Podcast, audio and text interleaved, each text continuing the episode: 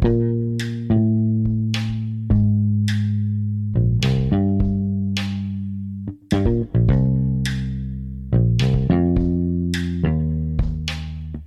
Saati Fikirlerin 129. bölümünden herkese merhaba. Ben Tansel Erdem Yılmaz. Ben Ömer Faikanlı. Bu bölümde Ankara'da Mediapod'un Assembly Buildings'teki podcast stüdyosunda kayıt alıyoruz ve kayda girmeden önce hesapladık ki bu bizim iki buçuk yıldan sonra aldığımız ilk yüz yüze ve videolu yani bir, bir birlikte olup yüz yüze aldığımız kayıt.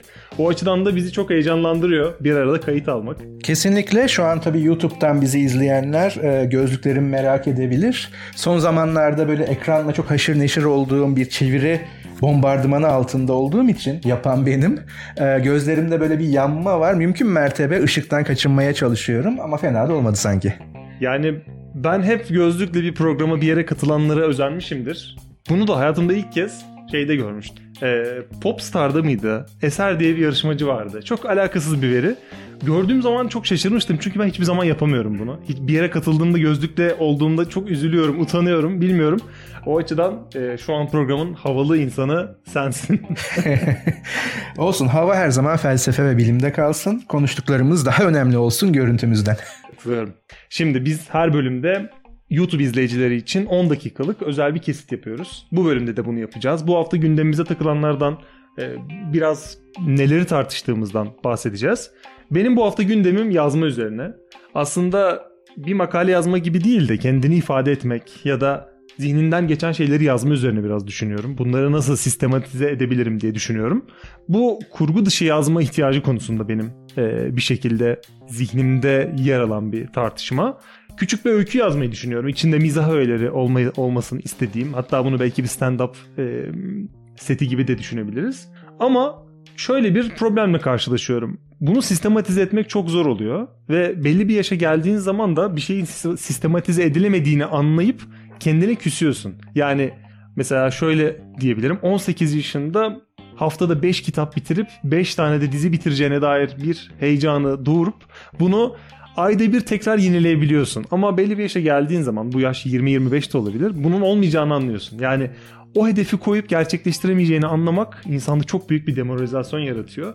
Şu sıralarda onunla biraz cebelleşiyorum. Şöyle bir tavsiye gördüm mesela. Sabah uyanın, elinizi bir yüzünüzü yıkamadan hemen oturun, günü tasvir edin. Ya bu hiç sürdürülebilir değilmiş gibi geliyor. Ve bunun klişe olmayan bir çözümü var mı diye son bir haftadır bunlara kafa yoruyorum. Ya aslında yok. Yani tabii pek çok yazarın yani kurgusal veya kurgu dışı yazan yazarların böyle tavsiyeleri hatta böyle e, anekdotları var. Ne yap, nasıl yazdım diye ama baktığımızda hepsi farklı neredeyse. Bazı yakınsamalar elbette ki var. Ama mesela e, Ferhan Şensoy aklıma geliyor. Ona da bir hocası şöyle demiş. Sen yazarsın. Senin işin gücün bu. Oturup yazacaksın. Gerekiyorsa e, pencereni aç şey yaz. Sokaktan geçenleri yaz ama yazacaksın.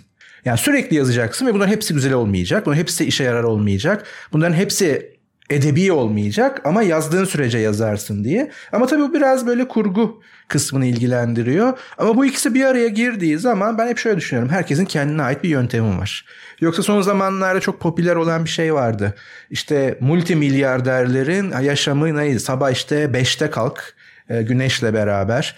İşte soğuk suyla duş al e, mutlaka. İşte spor yap. Ondan sonra şunu yap, bunu yap. İşte yani bu tamam da milyar dolar buraya nasıl geliyor? Bununla ilgisi var mı? Ya da bir ara e, tabii Türkiye'ye bu yansıyamaz farklı sebeplerden dolayı ama hani garajda kurulan büyük şirketler önce böyle amatörce gir. Hani evet hepsi işe yaramış yöntemler ama işe yaramamış milyonlarca yöntem hiç duymuyoruz. Şimdi bizim yöntemlerimizin de bir kısmı işe yaramış yaramamış ama her zaman bireysel ben buna inanıyorum. Yani yazmada, okumada, öğrenmede belki çağın mottosu olan tüketmede bile. O biraz önce söylediğin 18 dizi bölümü izledim. Ya keyif alıyorsan, yapabiliyorsan, enerjin yetiyorsa yaştan bağımsız olarak. Ha ne güzel bu bir işe yarıyorsa. işe yaraması şart değil. Zaman geçirdim bazen boş zamanda. Boş geçirmek de, zihni boşaltmak da güzeldir. Ama hani bunu şeye çevirmek. İşte günde 20 bölüm e, dizi veya film izlemezsem benden sinemacı olmaz veya bir sinema meraklısı olmaz gibi bir şey değil. Ya bu çok bireysel ve bu konuda aslında bugünkü konumuz ne olabilir diye düşünürken bu kişisel gelişim kitapları, kişisel gelişim nedir'e bir bakalım mı demiştik. Bu biraz onunla ilgili. Yani bu bir furya. Ya bakın nasıl hayatta başarılı olacaksınız. Hala e, bir nevi kutsal kitap bekliyoruz, kutsal öneri bekliyoruz. Hani bu yoldan yürü. Hani e, bizim aslında mottolarımızdan biri yani daha doğrusu kendi mottomuz değil elbette ama benim mensubu olduğum, senin öğrencisi olduğun Dil ve Tarih Coğrafya Fakültesinin o e, cephesinde yazan hayatta en hakiki mürşit ilimdir. Mustafa Kemal Atatürk'ün o ünlü sözündeki o mürşit meselesi aslında. Yani bilim, bilimsellik bunlar tamam tartışılır, güzel şeyler. Olması da güzel. E, biz talep ediyoruz veya arzu ediyoruz ama biz kendi hayatımızda hep mürşitler arıyoruz. Bu kadar basit şeylerde bile. Ne okusam, nasıl okusam, nasıl yazsam, nasıl yazarsam başarılı olurum. O başarı nedir? O çok belli değil. Ama e, yani burada ben ilk defa senden duydum. Her şeyi de öyle paylaşmıyoruz sürekli olarak. E, hoşuma gitti. Umarım o kurgu, kurgu dışı kesişimindeki stand-up'a kadar gidebilecek metinleri yakın zamanda görürüz. Umuyorum. Senin gündemin var mı bu hafta özel bir gündemin? Çok özel bir gündemim yok. Sadece bir önceki program üzerinden bir kitap demiştim. Nedenselliğin kültürel tarihi, bilim, cinayet romanları ve düşünce sistemleri Stephen Kern'ün Doğru hatırlamışım Metis yayınlarından. YouTube'daki izleyicilerimize şöyle göstermiş olayım. Ee, yıllar önce okumuştum ama mesela bu da bir gündem olabilir seninkiyle paslaşarak. Ee, mesela okumak nedir? Sen şimdi yazmak nedir? Nasıl yazılır? Bunun yöntemi nedir üzerine kafa yormuşsun ama okuma yöntemleri var mı? Şu yüzden soruyorum. Ben bu kitabı yıllar önce okudum. Ee, bir vesileyle tekrar dönme ihtiyacı duyduğum, bu da bir araştırma falan değildi. Nedensellik fikri başka bir yerden tekrar kafama takıldı. Aa böyle bir kitap vardı dedim. Ana fikri hatırlıyorum tabii ki akışını ama detaylar gitmiş.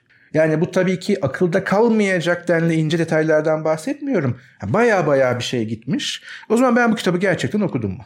Ya da bir kitabı okumak onu olduğu gibi tüm argümanlarıyla, tüm çerçevesiyle, tüm derinliğiyle zihne atmak mı? Sanmıyorum. Ben belki de öyle de bilmiyorum. Ama sanki yeni okuyormuşçasına tekrar okumaya başladım.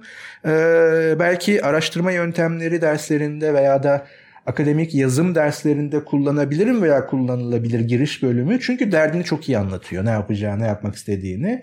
Ve çok ilginç. Romanlar üzerinden bir kültür incelemesi ve bu kültüre gömülü olan nedensellik anlayışının izini sürüyor.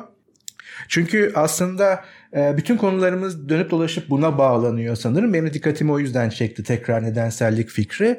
Mesela senin örneğine bunu uyarlamaya çalışayım.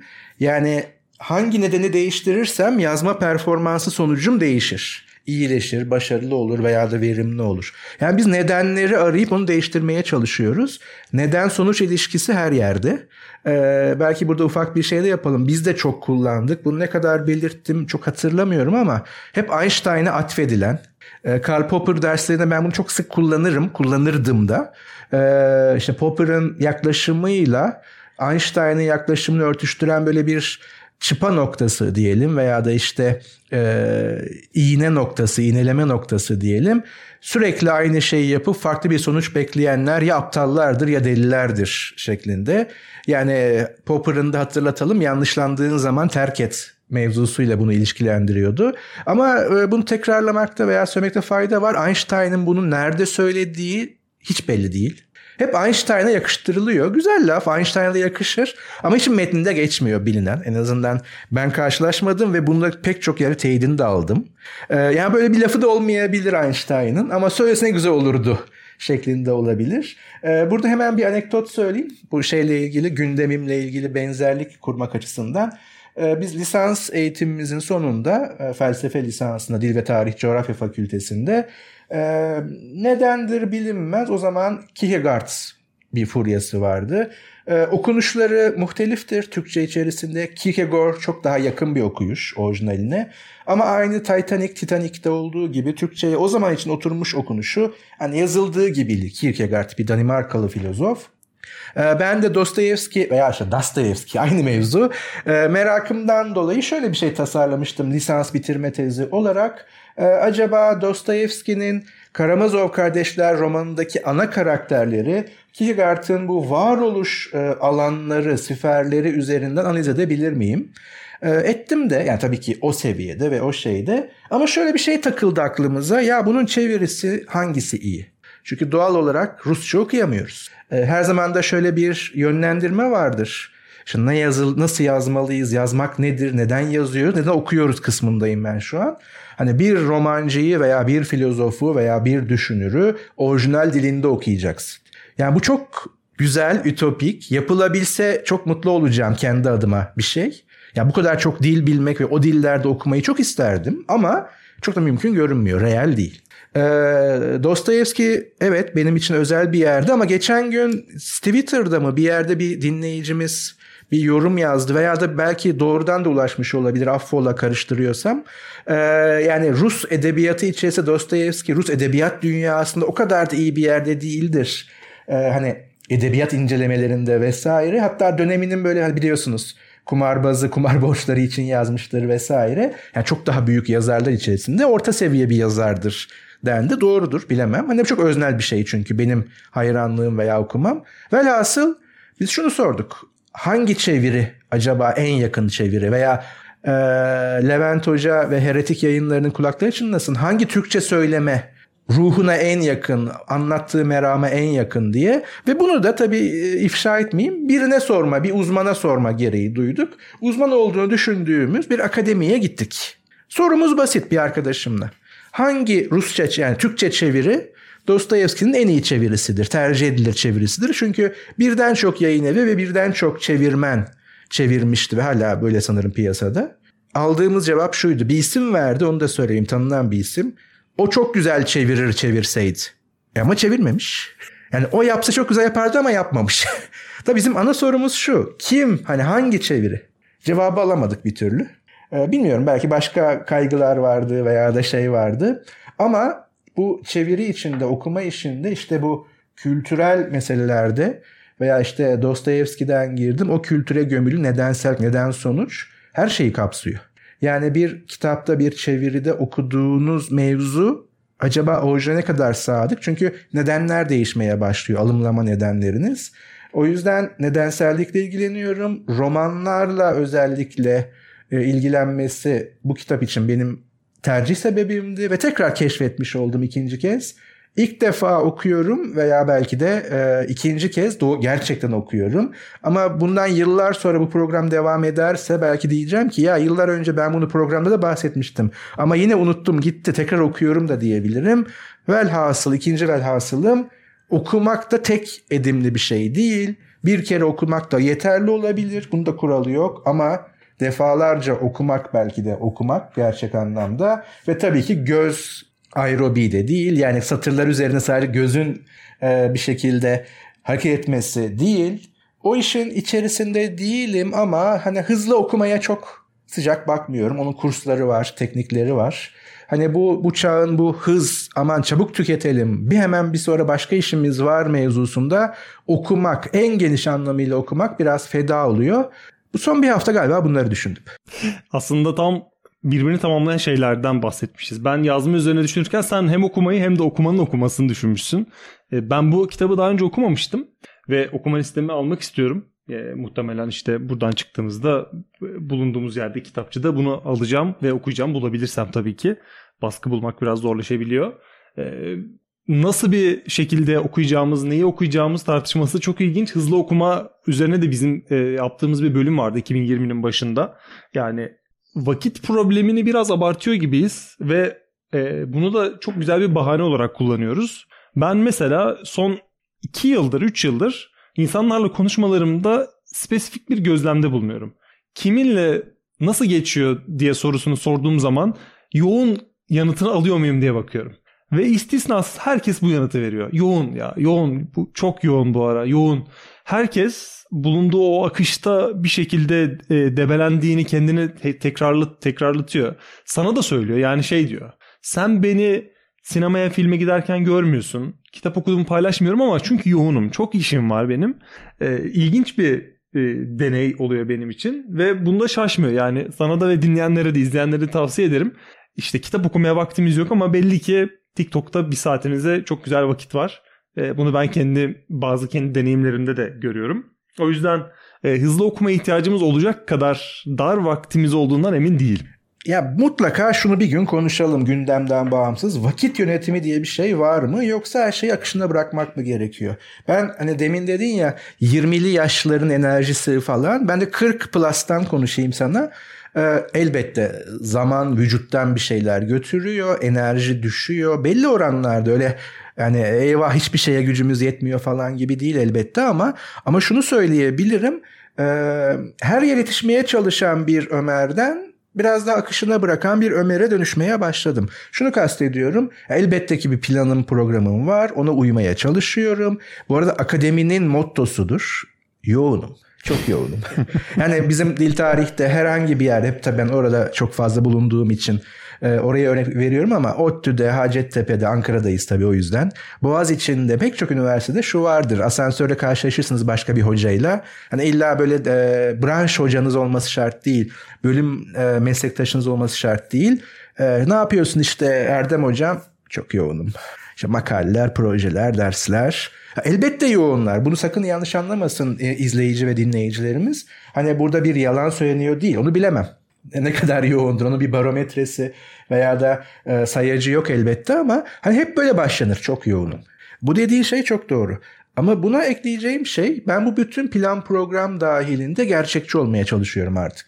Ve yapamadığım zaman da bundan pişmanlık duymamaya çalışıyorum. Şöyle ufak bir örnek vereyim biraz kişisel gelişimci gibi olacağım ama e, ben belli bir süre önce bir yıl kadar önce en azından bir yıl kadar öncesine kadar diyeyim. Sabah uyandığımda o günün bütün planı benim üzerime çökerdi. O planı da ben yapıyorum ha yani. Tabii ki zorunluluklar dahilinde bir tür regülasyon şeklinde bir plan. Bu arada bu yöntemi ben senden öğrenip ben de uygulamaya çalışmıştım. Yani bir günün evet. işlerini koymak ve onları tik atarak bir anlamda aslında rahatlamak. Şimdi, Ama ters etki yapmış evet, sanırım. Şimdi Yoda'nın numarasını çekiyorum sana unut hepsini. hani Jedi'ler böyle yapar. Önce bir şeyi yükler sonra unut hepsini. Öyle değil. Kendi içinde bulacaksın o gücü falan gibi. Ee, evet yani bu işe yarıyor tabii ki. Yani öyle akış derken sabah uyandık bakalım başımıza ne gelecek şeklinde değil. Nedenleri regüle etmeye çalışıyoruz ki sonuçları e, dizayn edebilelim. Ama ben şimdi sabah bu benim üzerime çullandığı zaman ben şunu yapıyorum. Henüz uyanmadın kahveni iç henüz uyanmadın vakti değil. Yani saat 12'de yapman gereken işi sabah 9'da düşünmeye başlama. Nasıl yapacağım, nasıl yetiştireceğim, hani nasıl dizayn edeceğim. Evet bu soruları soracağım ama 9'da değil. Çünkü 9'da başlarsam o zaten 3 saat gitti, 12 geldi, zaten işler kötü gidiyor vesaire. Ha şu oluyor. İşte dedim gibi son zamanlarda çok yoğunum. Kitap çeviriyorum. Ee, bugün işte hedefim 10 sayfayı devirmek. Yani çeviriyi tamamlamak değil. Misalen bir e, sayfa sayısı. 5 sayfa oldu çünkü o gün e, Netflix'te terimi izledim gelmiş. Yani eyvah 5 sayfa geri düştüm plandan. İşte o zaman yarınki ben 15 sayfaya çıkarmalıyım demiyorum hani. Düşmemem gerekir. Yani bu planlara uymak iyi bir şey. Ama uyamadıysam da evet bunu bir şekilde değiştireceğim. Yani planı değiştireceğim. Belki son güne atıyorum artı 5 sayfayı veya da günleri artı birer sayfa. Yani yine rasyonel plan yapmaya çalışıyorum. Ama nihayetinde günün planına uyamadığımdan çok uzaklaştım. Akışına bırakmak derken bunu söylüyorum. Çünkü bazen o kaçışlara ihtiyaç var ve çok ilginçtir. Yani hepimiz için geçerli bence. İyi bir fikrin yani kendi işler yani entelektüel işlerden bahsediyorum veya yaratıcı işlerden. Ne kadar yapabiliyoruz tabii ki tartışmalı ama fikri, yaratıcılığı hangi an, nasıl ve hangi çağrışımdan, hangi etkileşimden geleceği belirsiz. Bunun kuralı yok. Yani e, son izlediğim, izlemekte olduğum bir bölüm kaldı ve herkes sanırım bir şekilde haberdar oldu, seven sevmeyen. Ama terimi izlerken de aklına bir şeyler geldi. Yani akademik bir şeyler geldi. Tabii ki oradan şey değil. E, Fatih Terim'den büyük e, Türk antrenörü oraya biraz espri yapıyorum. Büyük Türk filozofu e, Fatih Terim öyle yapmış. Bak ben bunu bir makale yapayım falan değil. Alakasız bir şey. Orada bir cümle geçiyor mesela. Bu filmlerde, dizilerde en boş, en dolu neye göre, kime göre işlerde de olabilir. Dolayısıyla her ne iş yapıyorsanız yapın sadece o işi yapmayın. Diyebileceğim bu Jedi'lar. Ya orada şu sınır geliyor benim aklıma normalde akademinin şu an çok mikro alanlara sıkıştığına dair bir eleştiri var. Aslında bu mikro alanları sıkışma yan e, alanla ya da yan branşla çalışmak da bununla ilgili. Popüler kültüre ya da sokaktaki insanın ne düşündüğüne hakim olmamakla da ilgili. O yüzden Bence bu akademide ya da kendi alanımızda bu kadar çok odaklanıyor olmamızın bir etkisi de bu. Yani sen diyorsun ya dizide karşılaştığım şey benim belki akademik e, çalışmamı etkiliyor diye. Aslında bunu bizim düşünüyor olmamız bile çok ilginç. Çünkü normali bu. Bizi bir yerden belli bilgilerin beslemesi, tetiklemesi gerekiyor. Çünkü hep aynı yere baktığımızda hiçbir şey göreme, göremez oluyoruz. Farklı yere bakmamız, farklı yerlere çıkmamız gerekiyor. Ben mesela bugün şey izledim. Felsefe ile hiç alakası olmayan, bilim felsefesi ve tarihiyle alakası olmayan siyaset bilimci 20 yaşında 4 çocuğun Karl Popper konuşmasını izledim. Onların örnekleri benim Karl Popper'a olan fikirlerimi birazcık perçinledi. Mesela dışarıdan bakıldığında nasıl görüldüğü, hangi örneklerle insanların buna yaklaştığını görmüş oldum. Ve yani bu beni bes beni besledi aslında hiç bana bir şey katmayacak bir videoydu ya da içerikti. E, ama nasıl baktığımıza göre biraz değişiyor ve ben terim belgeselinden bu arada ne geldiğini de çok merak ediyorum. ee, bitireyim, pekiştireyim söyleyeceğim bu programda söz olsun. Ama üç şeyle bunu tamamlayayım. Ee, şimdi birincisi yani bu tavsiye gibi düşünmeyelim. Yaşadıklarımdan öğrendiğim bir şey var diyelim o ünlü dizede, e, şiirde olduğu gibi. E, bir bence çeşitlilik, çeşitlendirme. Yani ilgileri, günün e, akışını çeşitlendirebildiğimiz kadar çeşitlendirme. Evet uzmanlık çağındayız. Bundan vazgeçemeyiz ama kör bir uzmanlık çok da bir işe yaramıyor. Her zaman çeşitlilik. İkincisi açıklık belki de. Yani açık olmak, tahammül gösterebilmek. Yani dediğin tamamen bilmiyorum konudan bağımsız. Yani bir şekilde iz sürülüp oraya varılırsa oradan bir şey olmasın ama e, bu dediğin kişilerin yayını iyidir, kötüdür ama tahammül edilebilir olmasında fayda var. Yani ya 20 yaşında alan dışı insanlardan ben Popper mı öğreneceğim? Öğrenmek demeyelim Popper mı dinleyeceğim? Yani evet e, bu açıklığa ihtiyaç var. Hiç belli olmaz ne çıkacağı. Veya ya işte Fatih Terim de dünya futbolunda ne yapmış? Seversiniz, sevmezsiniz. O ayrı konu dediğim gibi. Galatasaraylı olursunuz, olmazsınız. Milli takımda yaptıklarını olumlu bulursunuz, olumsuz bulursunuz. Bunlar ayrı hikayeler. Ama yani buna yani herkes izleyen. Bir de mesela şunu söyleyeyim. Araya bir alt parantez açayım. Ee, popüler olan bir şey kötü olmak zorunda değil. Yani kitlelere ulan ya herkes bunu izliyor. Bir ara çünkü şey vardı. Game of Thrones'ta vardı. Lost'ta vardı. Ya yani benim bildiğim büyük fenomenlerden bahsediyorum. İşte başka ya ben izleme herkes izli ben izlemedim. Hatta Twitter'da şey görürsünüz. İşte örneği oradan vereyim. Game of Thrones'u hala izlememiş kaç kişi kaldık. Ya bu izlememeyi bir şey payi olarak almak bana anlamlı gelmiyor. Tercih olabilir. Hiç bir itirazım yok. Ama popüler bir şey illa kötü değil. Tersinden söylersem çok az kişiye hitap etmiş olan bir şey çok kıymetli değil. Çünkü orada aslında biz kendimize yontuyoruz. O kadar zekiyim ki çok az kişinin beğenisi benim beğenimle örtüşüyor. Öyle bir şey yok. Sayıyla çok ilgili değil. O sizin beğeniniz iyidir kötüdür. O ayrı bir tartışma. Bir gün öyle bir estetik tartışması yaparız belki. İkincisi bu açıklık yani tahammül göstermek. Mümkün o kadar çok çeşitlenmek ki bu ikisi iç içe. Ama üçüncüsü böyle bir yine sigorta. Ee, yine Ferhan Şensoy'a bir gönderme yapacağım. Onun e, Ferhangi şeylerinde vardır. Ee, birkaç sayfa okuyup camdan fırlattığım çok kitap var diyor. Ya bunu da yapabilmek yani camdan fırlatma kısmı hariç. Yani gereksiz yere çevreyi kirletmeyelim veya tehlike yaratmayalım. Yani kitap var, kitap var. Bunun 30. kattan düşmesi hoş olmayabilir. Hani 30. katı tabii ki misalen söylüyorum ama yani her kitabı da buna başladığım ya yani işte Stephen Kerr nedensellik konusunda çok önemli bir isim. Ben bunu yani profesyonellik harici yani bunun üzerine doktora tezi yazmıyorsan, bunun üzerine master tezi yazmıyorsan ya çok sıkıldım ama bitirmek zorundayım. Çok sıkıldım ama bitirmek zorundayım. Ben bir felsefeciyim veya da filozofum veya akademiyim felsefe alanında. Ee, Kant'ın üçüncü kritiğini hala anlamadım. Çok sıkıcı geliyor bana. Yani evet okudum. Yani profesyonelliğim gereği okumak durumundaydım zaten. Bakın Arus'un eleştirisi çok ağır kitaptır teknik bir kitaptır hatta. Ee, anladım demek tabii ki haddimi aşmak olur. Hani o anlamda bir Kant e, şeyim ama bana çok hitap ediyor. Baştan sona okuyabiliyorum. Defa dönebiliyorum. Heidegger varlık ve zaman. Bana çok hitap etmeyen bir filozof çok etkili bir filozoftur. Ama dönebiliyorum. Yani onun içinden pek çok şey çekmişliğim vardır, etkilenmişliğim vardır. Farklı alanlarla karşılaştırma için tekrar tekrar pasajlarını, sayfalarını veya kapaktan kapağa okumuşluğum vardır. Ama Kant'ın üçüncü kritiği bir türlü bana hitap etmedi. Ya ben bu konuda ısrarlı değilim ve bunu söylüyorum. Anlamadım bilmiyorum. Tüm profesyonelliğimle. Şimdi normal e, yani profesyonelliği bu alanlar olmayan biri için de nasıl olur o kitabı okumazsın zorlamasıyla Baştan sona okumaya çalışmayın. Yani üçüncü sayfasında bu roman da olabilir. Ya gitmiyor. Zaman kıymetli. Bu anlamda tüketme anlamında değil. Yani e, eyvah yoğunluğum içerisinde bu beni çalıyor anlamında değil. Ya bana hitap etmiyor. Dolayısıyla bana bir şey katmayacak. Veya belki daha vakti gelmedi. Bazı metinlerin de vakti vardır. Atmayın bir köşeye koyun. Ama eğer kütüphanenizde boş boşuna duruyorsa bağışlayın. Hediye edin. Hani bugün artık şu kitap e, sıkıntılı bir materyal evlerimiz için. Ben bundan asla vazgeçmeyeceğim. Ama e, yani sınıra yaklaşıyor her şey. Yani bizim o devasa Umberto Eco kütüphaneleri veya bazı hocalarımızda olduğu gibi çok imreniyorum ama kütüphane evlerimiz yok. Olamayacak. Olması gerekiyor mu ayrı bir tartışma artık. Ama hani e-kitaplar, elektronik ortam vesaire.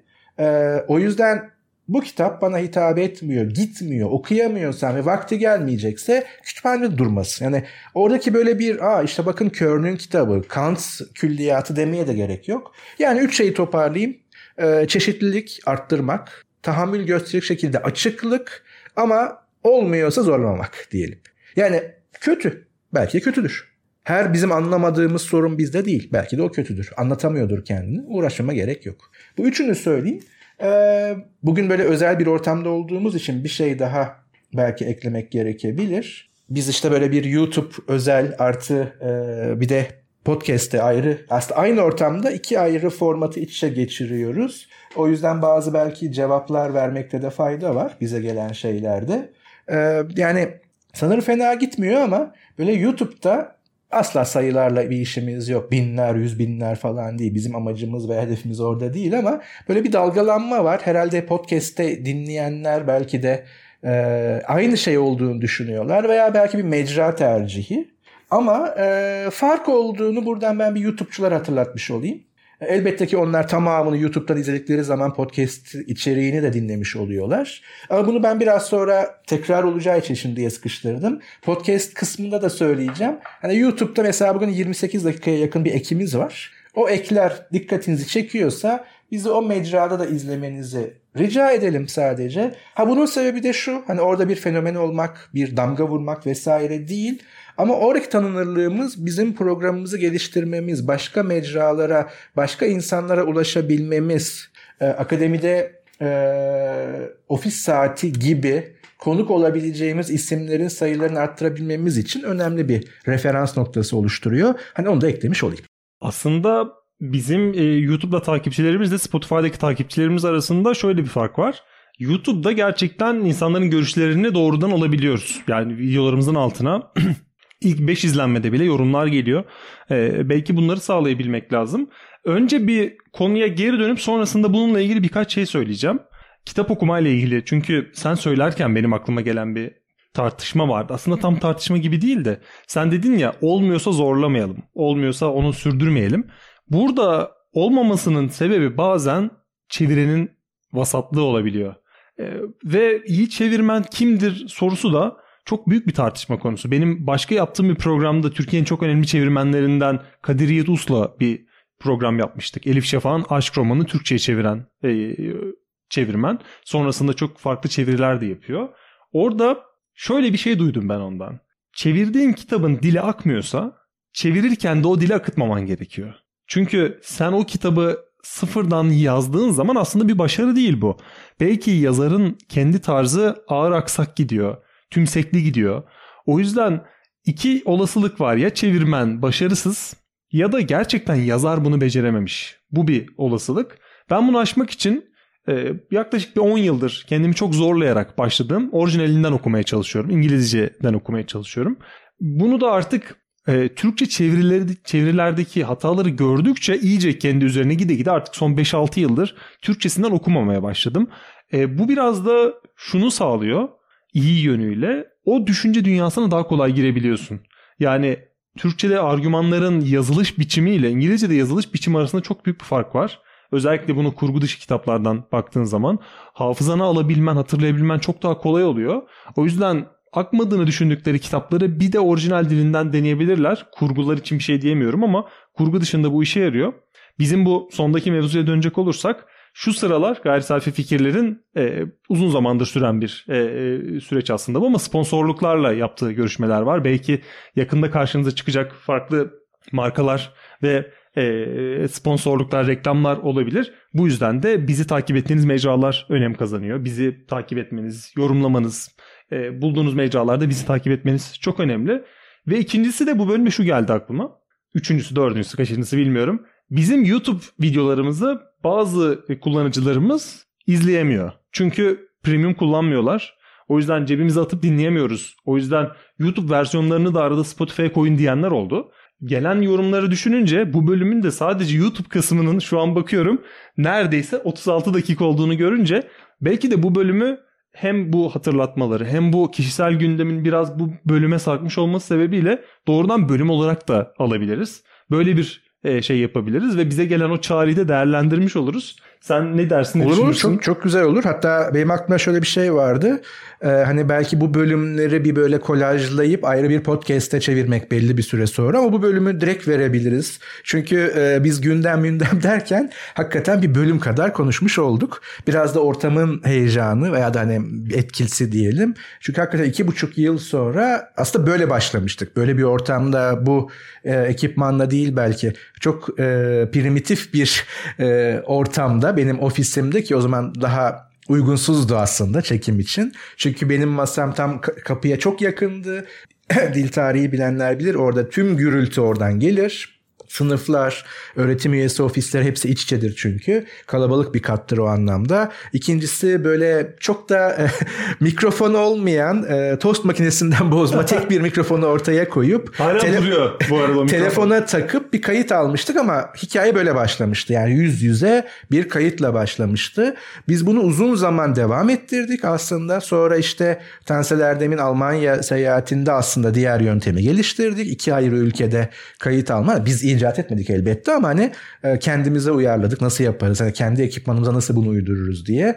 E, sonra tekrar böyle kayıtlar başladı. Ondan sonra pandemi oldu vesaire derken iki buçuk yıl sonra ilk defa böyle bir ortamda olmanın heyecanıyla da işte 30 küsür dakikayı yaptık. Kesinlikle bunu podcast'e katalım. Yani duplikasyon saymayalım bunu. Ee, o yüzden güzel olacaktır. Yavaş yavaş diğer konumuza geçelim. Bugün uzun bir bölüm olsun. Anlaştık.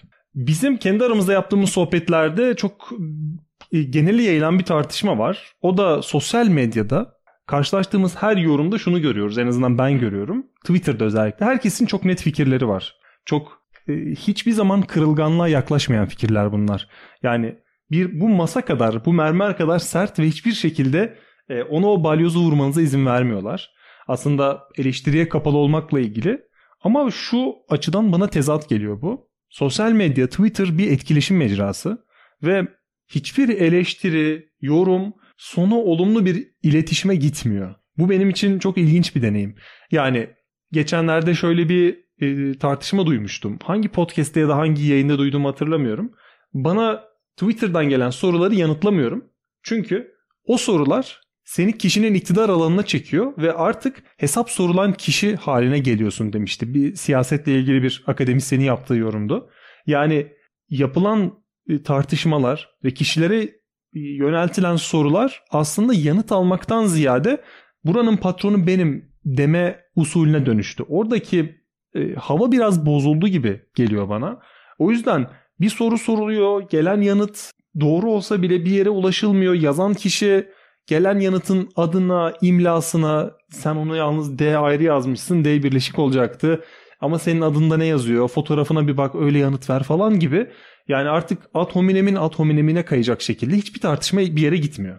Biz de dedik ki etkileşimin bu kadar buharlaştığı bu evrende gayri safi fikirlerin alanına dokunan iki anahtar sözcük belirledik ve Twitter'da bu tartışmalar nasıl sürüyor? İnsanlar bu konuda neler söylüyor? Biz biraz tabiri caizse burayı gayet aydınlık da bir yer olduğu için bir ameliyathane gibi düşünüp o argümanları, o tweetleri üzerine biraz dokunarak inceleyelim istedik. Şimdi önce yöntemden başlayalım. Yani bugün aklımıza geldi. Yöntemimiz şu. E, Twitter'da bilim ve felsefe sözcüklerini. Belki felsefe bugün yetişmez ona ayrı bir şey yaparız. E, ya da böyle paslaşırız. Sen felsefeye bak ben bilime bakayım o da olabilir. E, tarayıp popüler veya en son yazışmalardan hesapları ifşa etmeden veya açık etmeden çünkü bizim öyle bir işimiz yok. E, ve hani hiçbir şekilde burada doğru bilgi, yanlış bilgi vesaire değil. Buradaki algıyı veya da imajı ortaya çıkaracak şekilde yorumlayacağız sadece. Yöntemimiz bu. E, sen bu arada bakarken ben ana çerçevemizi şöyle söyleyeyim. Şimdi buradaki iki mesele aklıma geliyor. Geçen gün böyle bir galiba tartışma yine ya Twitter'da oldu ya da benzer bir mecrada oldu. Benzer derken artık her yer buna uyarlanabildiği için yorumlar altına yorumlara cevaplar falan da olabilir ama muhtemelen yine Twitter'daydı. Ee, başta YouTube olmak üzere bu mecralar felsefe özelindeydi o tartışma. Felsefe öğrenmenin yolu olabilir mi? Çünkü oldukça Türkiye'de de yerel, biz onlardan biri miyiz emin değilim, pek değiliz herhalde ama e, popüler felsefe kanalları da kendini göstermeye başladı. Çok takipçili, etkili. Yani bu influencer da felsefi influencer diyebileceğimiz durumlar oluşmaya başladı. Buna çok büyük bir radikal karşı duruşum veya da eleştirim yok. E, zaten mesele de bu. Çünkü o tartışma şunun üzerineydi. İşte bu mecralar felsefeyi öğrenmek için uygun mudur? Yani onun lisansını okumak, hadi üniversiteden geçtim, orijinal metinleri, kitapları okumak veya tartışmak veya bu mecralara, bu e, topluluklara dahil olmak, takip etmek varken böyle YouTube videolarıyla kısa kısa videolar, hap bilgiler, hap malumatlar veya daha da kötüsü Twitter flotları, yazışmaları, akışlarıyla bu yapılabilir mi? Şimdi buradaki amacım ben öğrenmek olduğunu düşünmüyorum. Yani öğrenmek açısından Twitter çok iyi bir ortam değil. Bir kere sınırlı bir ortam çünkü yanlış hatırlamıyorsam 280 veya 288 sözcük o civar. Evet, bir sınırı var. 280. 280 harf. Harf. Doğru doğru harf. Ee, yani tamam artı artı artıyla bunu çok uzun bir şeye çevirebiliyoruz ama hani onun da bir sınırı var elbette. Yani bu burada belki biraz böyle ki amaç o zaten. Yani ben hep şeyi söylemişimdir. Yani Facebook biliyorsunuz bu sosyal mecraları patlattı. İlk değil ama patlayan o. Ve bir mantık oturttu, bir düşünce sistemi oturttu, bir yeni kapitalizm biçimi oturttu. Kötü anlamda kullanmıyorum, nötr anlamıyla kullanıyorum. Ee, ondan sonra Twitter çıktığı zaman hatırlayın yani o dönemi. Çünkü Facebook'ta bir durum şeyi vardı zaten. Eklentisi gelmişti. İşte iyi hissediyor, kötü hissediyor veya oraya bir şey yazabiliyordunuz. Oradan işte haber kaynağı açık haberleri koyabiliyordunuz. İşte şu müziği dinliyor, şu filmi izliyor. O tam gelmişti. Ben hep şöyle hayal etmiştim. Birileri oturdu yine e, Silikon Vadisi'nde Amerika'da. Amerika Birleşik Devletleri'nde şunu söyledi. Ya Tansu Erdem müthiş bir fikrim var. Nedir Ömer? Şimdi bu Facebook'un durum şeyi var ya çubuğu. Evet onu alacağız. e o kadar. Çünkü başlangıç bu. O durum çubuğunda ne yapıyorsun fikrini paylaşabileceğin ve bilerek sınırlandırılmış bir şey. Kendini bu kadar kelimeyle ifade et. Ne istiyorsan. Haber ver, kendini ifşa et. İfşa derken yani iç durumunu dışa vur. Ya da e, izlediğin bir şeyi paylaş. İzlediğin şey hakkında bir şey söyle. Yani sana bir söz hakkı veriyor ama işte o değişiyor tabii dönem. 280 sözcük var. Yani bu aslında şöyle bir şey. Minimum neredeyse minimum veya da sınırlı sözcükle meramını anlat. Ki bu arada ilk başladığı zamanlarda ben de Twitter kullanıyordum. Hatta o zamanlar mobil uygulama sadece belli cihazlara gelmişti. Tam anımsayamıyorum. 2000 ee, ben 2007 2008 işte ya da 2009 civarında kullanmaya başladım. Tam hatırlayamıyorum. Şu geliyor benim aklıma o zaman düşündüğüm zaman. Biz yabancıyken o mecraya o mecrayı daha iyi kullanıyorduk. Yani Twitter'ın yapısı çok heyecan vericiydi. Sen varsın. E, hatta o zaman şöyle bir durum vardı. Ünlüler de erişilebilir durumdaydı. Yani sen gidip Britney Spears'a mesaj attığın zaman görebilirdi yani. Çünkü o zamanlar onun 500 bin takipçisi vardı. Örnek veriyorum. Sonra sonra biz bu mecraya çok alıştık. Mecranın artık e, içeriği bir anda e, flulaştı ve bizim kendimizi orada temsil e, etmemize e, yol açacak bir sahneye dönüştü. E, biz güya kanaat önderleriyle konuşacaktık. Onlara fikir belirtecektik. İnsanlarla tartışacaktık. Kimseye ulaşamaz olduk. Kimseyle tartışamaz olduk. Ve bunu şuna benzetiyorum salgın başladığında da bize çok yabancıydı ve biz hep onun en güzel yönlerine baktık. Ben bu hafta bu kitabı bitireceğim. Şimdi ben dizilere başladım. Bir de Fransızca öğreniyorum. Ayrıca gece de hepimiz oturup 6 saat boyunca satranç oynuyoruz arkadaşlarla. Sonra Zoom'da buluşacağız. Zoom'da da e, kart oyunları oynayacağız. Sabah kadar böyle gidecek falan filan. İki hafta sonra herkes aynı rutinine döndü. Yani Twitter sanki salgın döneminin ilk ayları gibi İnsanları çok heyecanlandırdı ama çok garip bir yere evrildi. Bu evrim ama hani belki kelimenin anlamını da hakkını verecek şekilde çok öncesinden tedricen başlamıştı. Hatırlarsan hani bu adlandırma tabii ki siyasi bir adlandırma ama herhalde uluslararası ilişkiler veya siyaset tarihine de mali olduğu için kullanabiliriz. Arap Baharı'yla Twitter başka bir gücünü gösterdi. Yani oradaki bir haberleşme özellikle Mısır'daki ve öncesindeki olaylarda hani böyle bir haberleşme, iletişim ve dünyayı haberdar etme aracına dönüştü ki bu, bu potansiyel baştan beri vardı. Ha şunu tabii dışarıda bırakıyorum. Bunu programlayan, tasarlayanların amacı neydi dışarıda bırakıyorum. Manipülasyonlara tamamen açık olmasını şu an için dışarıda bırakıyorum. Ama bu aslında iki kelime her zaman kavramlara veya terimlere çekmek işin felsefi dokunuşu belki de. Temsil hakkı verdi. Yani orada bir hesap açmak için özel bir şeye ihtiyaç yok. Ve velhasıl yine e, bu profile bir şey yazma şöyle bir temsil gücü doğuruyor. Yani güç demeyeyim de temsili netleştirme veya da en azından görünür kılma anlamında. Ya yani ben bir felsefe doçenti olarak konuşuyorum. Yani hepiniz susun beni dinleyin anlamında değil. Yani 280 kelime sözcükle 280 harfle konuşurken her şeyi orada temellendiremem. En azından bunu bilin hani.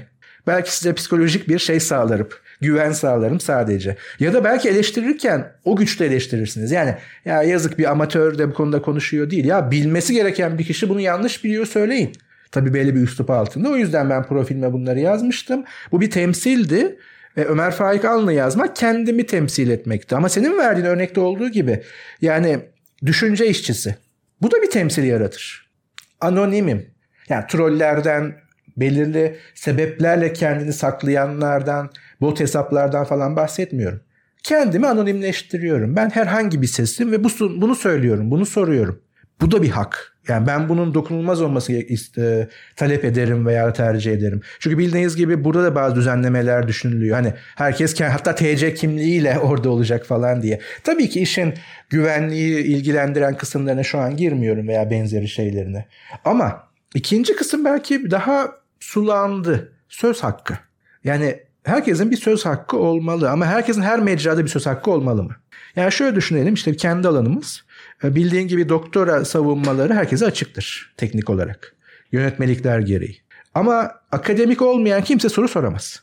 Yani ilgili görevlendirilmiş resmi jüri hariç ki onların hepsi akademiktir. İzleyiciler özel bir izin almadıkları sürece adaya soru soramazlar. Çünkü gerçekten bunun sonu yok. Yani orada orası şey değil çünkü orası belirli bir amaç toplanmış bir community yani bir topluluk. Tansel Erdem Yılmaz'ın doktora tezi bir doktora tezi olarak geçerli midir? Bu payeyi verecek miyiz? Biz 5 öğretim üyesi ehliyet almış 5 öğretim üyesi bunu değerlendireceğiz. O tüm alt tartışmaları bir kenara bırakıyorum. Bu ehliyetin niteliği vesairesi. Şimdi şöyle düşünelim. Orası bir eğitim şeyi olsa böyle bizim İNEP dil tarihi örnek vereyim. Farabi'ye topladık yüzlerce binlerce kişi kaç kişi alıyorsa bin küsürdür herhalde. O kadar bile değildir daha azdır. Ya sen bize bir şunu bir anlat bakayım baştan bizim anlayacağımız gibi. Ya ben doktora yapıyorum. Yaptım. Sana başta anlatamam. Burası orası değil. Orada bir söz hakkın yok ve bu bence meşru. Ama şimdi Twitter bize şunu getirdi. Her alanda söz hakkımız var. Bu iyi bir şey mi kötü bir şey mi? Bu ayrıca konuşulur. Şimdi bizim buradaki amacımız şu. O yüzden e, hesaplardan soyutluyoruz. Yani ve belki bir sonrakine kalacak bir kısmı ama işte bilim sözcüğünün geçtiği popüler veya son tweetler yani Türkçe tabii ki bakıyoruz. Belki buna daha sonra İngilizce bakarız. Yani orada nasıl durum diye. Zaman zaman böyle arka arkaya değil sıkıcı olur belki ama e, yani bunu söyleyen kişinin bilim insanı olması, anonim olması vesaire bizim için önemli değil. O cümlede, o tweette bilim nasıl dizayn edildi, nasıl al, alımlanmış, Bilim deyince ne anlamış? Bizim anladığımızla örtüşüyor mu? Ölçmesi gerekiyor mu? Ayrı bir konu bakarız. Veya felsefe dediğinde. Çünkü e, özellikle felsefede ama bilim de bunun aşağı kalmayacaktır. Hatırlayalım bu işin felsefesi ne? Mesela terim belgeselinde o çok geçiyor. İşin felsefesini değiştirdik. Oraya bir felsefe koy. Felsefe mesela nasıl kullanılır? Yani kelime tabii ki zapturapt altına almak, tek anlamı hapsetmek değil. Yaşayan bir dil içerisinde bir kelimedir sonuçta. Sadece akademik bir şeye gönderme yapmaz. Veya 2400 yıllık yükü vardır ama buna gönderme yapmak zorunda değildir. Ama yani bu işin felsefesi ne? Yani sen yarın bir kitap yazsan, al sana bir konu. Podcast'in felsefesi.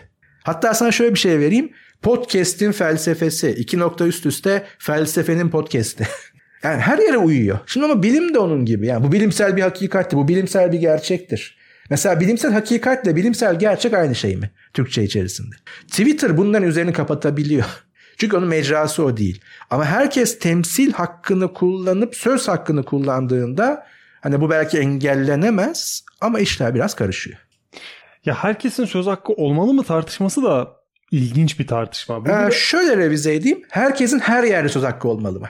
Evet doğru. Ya aslında herhangi bir alanda söz hakkından bahsetmiyorum ama entelektüel zeminden konuştuğumuz zaman e, Twitter'ı böyle bir zeminden ele almıyorum ama ya, akademik bir tartışma olabilir bu. Teknik bir konunun tartışıldığı konu olabilir. Öyle bir alan olabilir. E, iki tane ilaç reprezentının konuştuğu yer de olabilir. Yani illa bu işi bir doktora seviyesine taşımaya gerek yok ki herhalde insanların bir şekilde savaş açtığı şey de buna dönüştü. Yani bilgili olanın bir şekilde biraz tutup aşağı çekilmesi. Sen bak biz aynı yerde yaşıyoruz. Sen kendini o kadar büyük görme. Bak o adamın çok lüks arabası var. O bile sen, sen felsefe yapmışsın. Senin kadar havalı değil gibi. Yani bir şekilde bu söz hakkı meselesi bilginin de küçümsenmesi için bir aracı haline gelmiş durumda benim gördüğüm kadarıyla. Ve e, senin dediğin çok doğru. Bir felsefe doktora sunumunda her şeyin en başından anlatılmasına dair gelecek bir soru anlamlı olmayabilir. Çok mantıklı olmayabilir. Ama belki şuna açık olabilir. Gerçekten bir araştırmacının, bağımsız bir araştırmacının akademik bir tartışma içerisine girebilmesi gerekir. Sanırım bizde bu ayrım biraz tam oturmuş değil. Yani akademi dışında bunu şöyle söyleyelim. Bir kurumun e, elinde damgası olmayan kişinin saygınlığı biraz düşmüş gibi görünüyor bana. Yani ikimiz felsefe tartışıyoruz diyelim. Ben yine Ankara Üniversitesi çatısı altında sayılırım. Ama sen o işin akademisini yapıyorsun. Akademisyensin orada. Senin söylediğin kişiden e, bağımsız tutuyorum. Her zaman bir seviye üstte alımlanıyor. Çünkü sen artık orada bir enstitüyü, bir kurumu temsil ediyorsun. E, ve dışarıdan bakanlar da biraz e, şarlatan gibi alınmaya başlandı Türk biliminde. Yani bu çok genelliyorum. Dinleyenler artık 128 bölüm olmuş. Benim neyi genellediğimi anlıyorlardır. Ee, akademi dışından ya da teknik alanı dışından bakanların e, oraya yabancılaştırılması. Geçenlerde şey vardı. Bir politikacı karşısına halktan biri çıkıyor. O gel bakayım sen ne diyorsun falan diyor. Yani altına da şey demişler. Ya bu adam karşılaştığı herkese deli muamelesi yapıyor. Yani deliyle karşılaşma muamelesi yapıyor akademi dışından biri akademik tartışmaya girdiğinde ona aa gel gel anlat bakalım filozof Atakan gibi sen biliyorsun bu işleri tarzında hani siz oralarda oynayın. Ben bu tartışmayı çok görüyorum. Bir tartışma ortaya attığım zaman işte the hoca dediğimiz insanlar aa güzel güzel çalışın bunları siz. Olur öyle ya siz bakın bunlara gerçek mevzulara da sonra bir ara bakarsın falan gibi yaklaşılıyor. O yüzden halktan biri yani halkı burada konudan e, bağımsız biri olarak diyorum ama onun gelip bana şu felsefeyi sıfırdan anlat demesi ayrı bir tartışma konusu ama akademik tedrisin dışında kalmış birinin söz hakkının yavaş yavaş yitiyor olması biraz ayrı bir konu. Hani bunu Twitter'a bağlayabilir miyim bilmiyorum ama sadece böyle bir örnek vermek istedim. Ama şöyle bir örnek de vereyim ben. Yani bir benzetim kurayım. Bunu daha önce bir yerlerde kullanmıştım. Şimdi gerili bir e, lastiği düşünelim. Şimdi ona bir etki uyguladık. Belli bir direnç göstereceği noktaya kadar daha fazla gidemeyeceği, gitmeyeceği yere kadar e, gerildi. Ve onu bıraktığımızı düşünelim ve onu ağır çekinme alalım bir video aletiyle. Yani şöyle bir şey yapacaktır aşağı yukarı. Şimdi tabii ki ben burada biraz daha YouTube'dakiler şey yapacaktır ama podcast dinleyenler de bunu gözünde canlandırabilir. Tam aksi yönde hiçbir etki olmaması yani bu etki tepkiyle ilgili bir şey. Bir salınım yapacak veya oraya doğru gidecek. Sonra yavaş yavaş ya yani bir gitar telinin titreşmesi gibi düşünün. Bir kere aşağı doğru çektim bıraktım bir ses çıktı o titreşecek titreşecek sonra duracak belli bir noktada. Şimdi buna benziyor. Anti entelektüelizm öyle bir itti ki Twitter üzerinden. Yani e, siz yıllarınızı vermiş olabilirsiniz. Bu işin profesyoneli olabilirsiniz. Bu işin saygın filozofları, felsefecileri, bilim insanları olabilirsiniz. Pek çok şeyi bunu bu bilgiyi edinmek, geliştirmek, üretmek için feda etmiş olabilirsiniz ama bizim de lafımız var, bizim de zihnimiz var. Biz de düşünüyoruz. Siz kim oluyorsunuz? Ya o kadar okudunuz diye bir şey mi oldunuz? Okumakla olsaydı. Bakın bunun da anekdotu şudur. Ee, tabii ki aynı senin dediğin gibi 128-129 bölümün tanımlarlılığıyla bu genellemeyi yapıyorum. Bir yerde bir ortama girersiniz dersiniz ki derler ki işte yaşınıza veya konumunuza bağlı olarak ve o ortama bağlı olarak e, nereden mezunsunuz? Dersiniz ki ben doktora mezunuyum veya işte üniversite bitirdim. E, biz de Hayat Üniversitesi bitirdik. Ya Hayat Üniversitesi diye bir üniversite yok. o üniversite değil. O bir tecrübe. Benden kat kat fazla tecrübesi olan hayatla, yaşamla, yaşamın belirli alanlarıyla ilgili milyarlarca insan var. Saygım sonsuz o tecrübeye. Ama o bir üniversite değil. Üniversite yerini tutmaz. Ama üniversitede onun başka şeylerin yerini tutmaz. Yani bu da başka bir dünya. Ama işte buna benziyor. Yani sen bunun yani tıp hekimi ya en basiti. Tüm bu e, pandemi süreci ve benzer süreçlerde görüyoruz. Yani sen bir sus hekim bey biz konuşuyoruz. Ya niye hekim sustun? Bak yanlış söyleyebilir, eksik söyleyebilir. Bilimsel kaideler dahilinde tartışmaya açıktır. Püripak değil tıp alanı. Yani kapitalist bir dünyadaki tıp alanından bahsediyorum. Elbette ki. Ama sen bir sus hekim bey, doktor, hekim hanım, doktor hanım. Ne demek sus? E o zaman niye ondan bir şey talep ediyorsun? Hem et, ediyorsun hem de böyle bir. Ama Twitter temsil ve e, söz hakkıyla anti entelektüelizmin de bir ortamı oldu. Şimdi bu yayı öyle bir gerdi ki ha bu bir etki tepkidir sadece demiyorum. Tabii bu bir ukalalık olarak da bir kibir olarak da barındırılıyor entelektüel dünyanın bir kısmında en azından. Ama geriye itişinde aş, aşırı uca, başka uca savruldu. Siz susun, size önce bir okuyun gelin. Yoksa tabii ki tedrisattan geçmeden de aynı uzmanlığa yakın bir yer çok emek verilse tabii ki olur. Ama artık sınır çekme gerekliliği doğdu çünkü anti entelektüalizm. Kesinlikle ama nerede bir sınır çekme problemi varsa orada problem çok derindir. Yani bunu ülke sınırlarından tutun bir savaş meselesidir. İnsanlar ölür. Ama entelektüel dünyanın veya bu tip tartışma konularının veya söz hakkının sınırı da hem fiilen birilerinin ölümüne sebep olabilir. Çok ciddi bir konudur. Ama en azından başka mecazi şeyleri öldürebilir. Ve bunun pahasına da bu bir çatışma ortamıdır.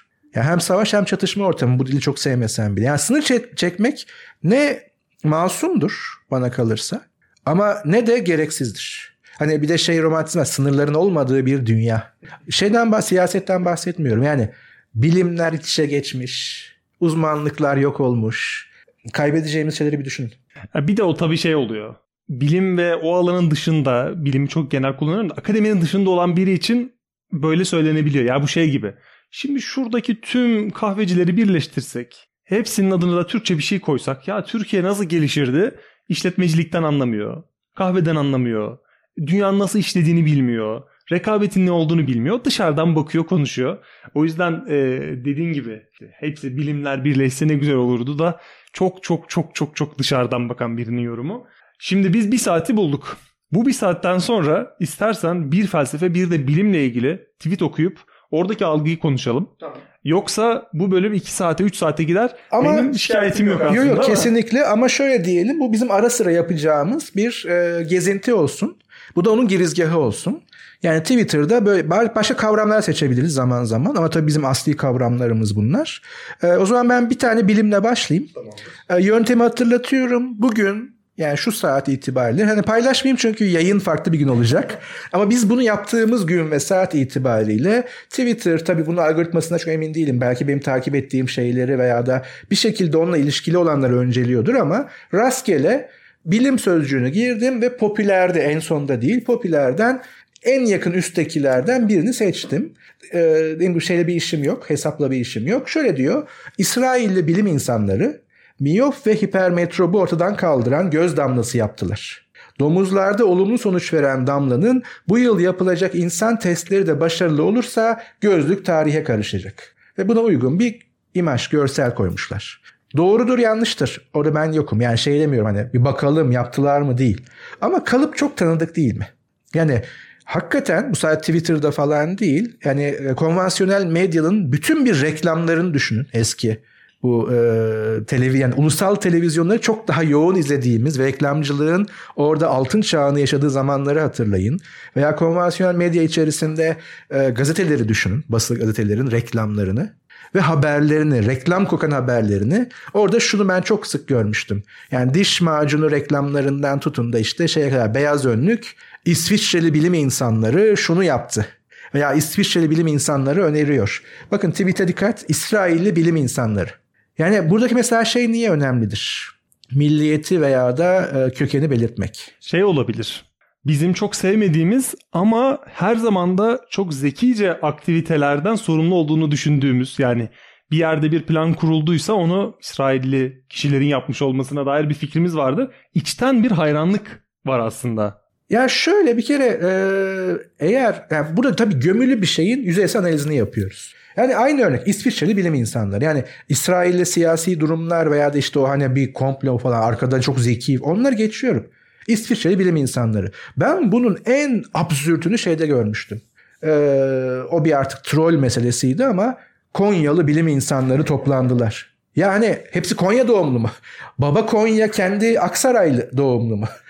Ee, yani benim baba mesela Isparta Eğirdir'dir. Ben Ankara doğuma büyümeyim. Hani ben mesela nereliyim? Annem de başka bir yerli. Hani küçük mü Konya? Bir de böyle bir şey mi var mesela İTÜ Konyalı bilim insanları alt grubu. Konyalı bilim ona çok benziyor bakın. Çünkü orada bir güven tazeli. Yani orada başka bir gönderme vardı. Şimdi burada da İsrail önemli değil. İsviçreli, Alman, Türk bilim insanları. Hani burada bir şey var ya mesela Aziz Sancar'ın müthiş başarısı ya da e, BioNTech'in kurucusu iki bilim insanının Türk kökenli ol, Türkiye kökenli olması. Yani bu ne kadar bilimle ilgili? Tabii ki bir övünç duyabiliriz. Bu ayıp değil, kötü değil, meş gayrimeşru değil.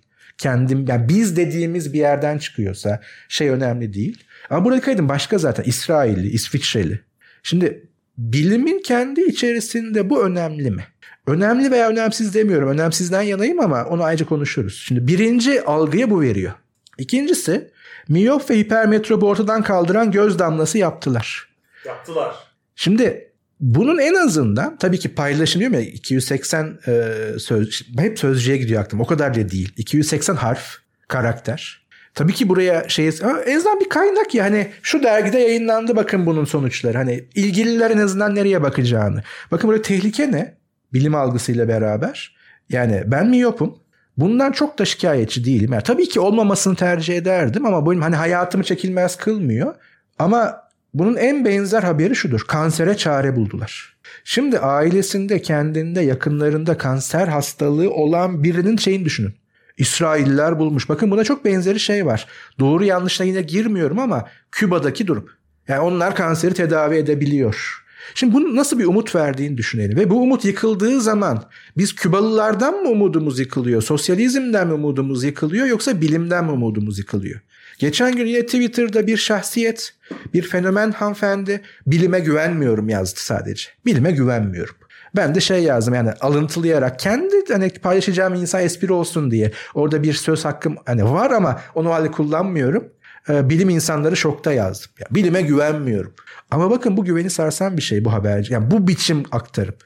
Çünkü e, ben şunu diyebilirim. Ya o zaman ben bu damlayı bulayım bir yerden. Bu ben hani ve ikin devam ediyor. Domuzlarda olumlu sonuç veren damlanın ya hangi yayın, hangi deney, nerede ya? Bana bir tarih, isim ver. Bakın İsrailli bilim insanı. İsrailli işte şu şu bilim adamı, bilim insanı. Doğru kelime. Veya bilim kadını. Ne diyeceksek. Bu yıl yapılacak insan testleri de başarılı olursa gözlük tarihe karışacak. Biz bu haberlerin nicelerini gördük.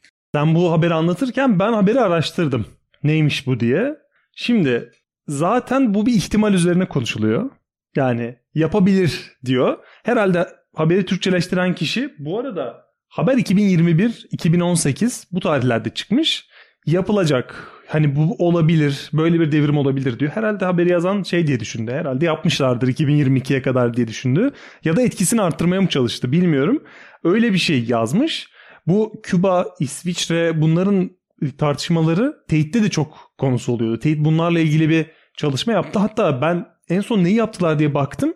Küba'nın bütün ilaçlara bir çözüm bulduğu kutsal bir yer olduğuna dair bir şey vardır ya ütopik bir yer olduğuna dair en son şey iddiası çıkmış. En son dediğim 2020'de Küba'da ilaç çalışmaları için tecavüzcüler kullanılıyor. Yani adamlar hem bilimi kullanıyor hem de adaletsizliği çözmüş. İkisini aynı potada eritmiş. Böyle bir algı var. Bir de şu sen dedin ya kansere çözüm bulundu. Bu şuna çözüm bulundu. Son 10 yılda mesela bunun bir benzeri şey. Her iPhone çıkacağı zaman o iPhone'a dair bir video yayınlanır. Özellikle 2010'da şey vardı iPhone 4 çıkmıştı sanırım. 4 mü 5 mi öyle bir şey çıkacaktı. iPhone 5'in videosu sızdı. Şimdi ekranı tamamen cam video telefon telefon ekranından bir sağda bir solda ekran çıkıyor, kamera çıkıyor. E, üstünden akışkan bir şeyler çıkıyor, bir şeyler oluyor. Yani orada bile insanlar olmasını istediği şeyleri olmuş gibi gösteriyorlar ve bence teknoloji ve bilim haberciliğinin en büyük problemi de burada yatıyor. Yani biz şimdi teknolojide bunu bir şaka malzemesi yapıyoruz ama senin dediğin çok hayati bir mesele. Ben bunu hiç düşünmemiştim. Yani ailende kanser hastası biri varsa o gördüğün haber senin için çok kıymetli. Belki umudun olacak, belki öyle bir şeyle karşılaşacağını umuyacaksın. Yani bu açıdan baktığın zaman e, beni biraz düşündürdü bu haber. Ya da yani biz şunu çok yakından yaşadık. Ee, Covid sırasında yani hastanede entübe edilenleri düşünelim ve Twitter'a şeyle düştü. Covid'in ilacı bulundu. Eli kulağında. Şimdi bunlar da pompalandı. E, peki benim bir yakınım entübe edilmiş olsaydı ve ben sürekli bir bombardıman altında olsaydım yani bunun ilacı var. Niye benim hastama kullanmıyorsunuz demeye başlamaz mıydım? Ya da başka bir yanlış anlama yani bilim okur yazarlığı belki Twitter okur yazarlığı yani sosyal medya okur yazarlığı e, bu anlamda çok çok önemli. Yani o yüzden geçen programda bir öncekini söylemişken hani belki de bilim dersleri, felsefe dersleri değil çocuklara verilmesi gereken okur yazarlık dersi. Yani nasıl kullanacağı, neye bakması gerektiği, doğru yanlış arasında karar veremedi, nasıl askıya alması gerektiği illa karar vermesi değil. Ama en azından askıya alabilir olması gerekiyor. Şimdi şöyle düşünelim yanlış anlama derken. E, aşı da olduk hala Covid oluyoruz. Bakın yalan dolanmış. E acaba aşı sana neyi vaat ediyordu baştan beri? Yani hafif atlatmak, ölmemek, ağır semptom göstermek. Bakın şeyden bahsetmiyorum. Yani işin işe odur budur onlardan değil.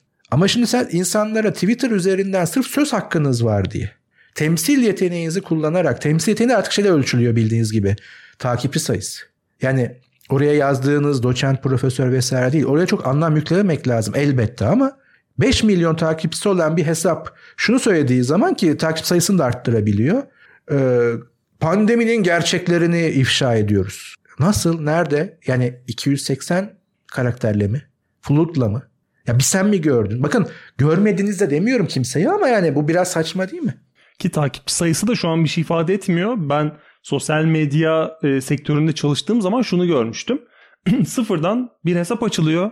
O hesabın adına da aforizmalar köşk gibi bir isim veriliyor.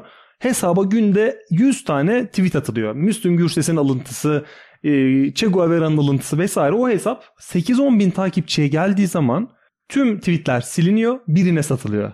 Ve böylece o kişi ismini yazıyor ve artık 10 bin takipçili bir hesap oluyor. Yani şeyi düşününce takipçi sayısına birinin gerçekten hakkıyla ulaşması, fikirleriyle ulaşması ayrı bir konu. Ya yani o takipçilerin kalitesi yani kaliteden kastım fikirlerine ne kadar güveneceğimiz ayrı bir konu ama bir de bu var. Yani e, hayali bir takipçi listesiyle karşına çıkıyor. Mesela Corona Facts diye bir e, hesap. 100 bin takipçisi var diyorsun ki e, şey gibi çiftlik bank olayı gibi 100 bin kişi herhalde aptal olamaz. Ama o 100 bin kişi yok. O 100 bin kişi Müslüm Gürses alıntısı okumaya gelmiş. Çok sıkıntılıymış. Onu okumuş, iyi hissetmiş. Onun bilimle, bilimsel araştırmayla ilgili bir kaygısı yok. O yüzden takipçi sayısı da çok yanıltıcı. Ee, kesinlikle ama takipçi sayısı yanıltıcı ama herkes için yanıltıcı değil. Yani biz onun yanıltıcı olduğunu az çok biliyoruz. Bizim gibiler biliyor. Ama pek çok insan için dediğin e, mekanizma çalışıyor. Ya 5 milyon kişi takip ediyor. Hepsi de yani bu demek ki bir kaynak burası.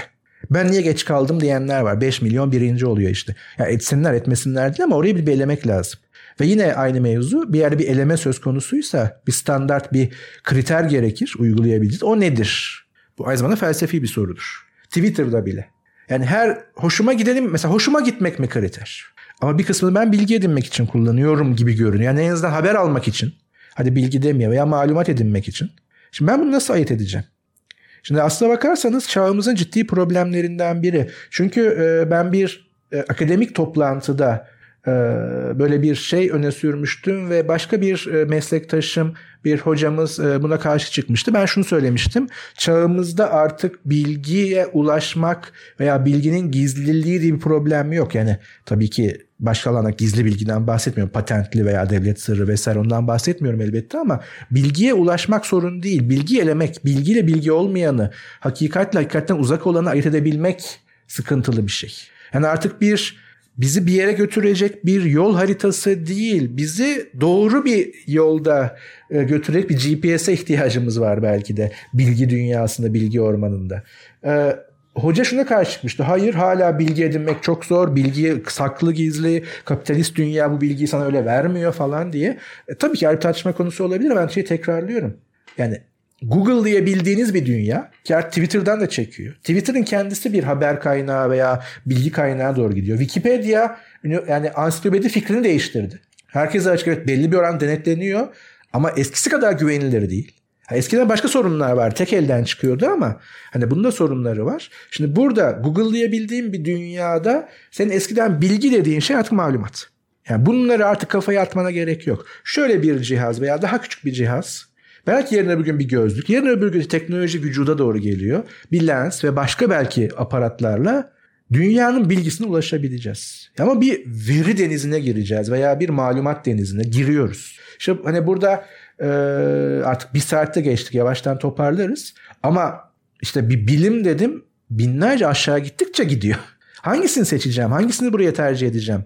Ve ben bir bilim okuru olsam kaçını ciddiye alacağım? Neye göre ciddiye alacağım? Bir de senden felsefe alalım hazırdaysa. Hazırdadır. Bu arada sen bilgi malumat denizinde olacağız dedin. Aklıma şu geldi. Dün akşam bir denizci arkadaşımla oturuyordum. Yaklaşık 20-30 yıldır denizde işte tekneyle kıtalar arası gidiyor geliyor. Denize dair şunu söyledi okyanusa dair. Normalde dedi karşılaştığın gördüğün dalgalar dedi çok belki e, seni etkiler ancak bulunduğun tekniği etkilemez dedi. Okyanusa çıktığın zaman dedi dalgalar 10-12 metreyi bulur. Bazen o dalganın altında kalırsın. Bazen de tepeye çıkarsın bir sanki dağın üzerindeymişsin gibi. Ve dedi vücudun buna alışması imkansızdır dedi. Yani sürekli bir dalganın üstüne çıkar bir dalganın altına inersin.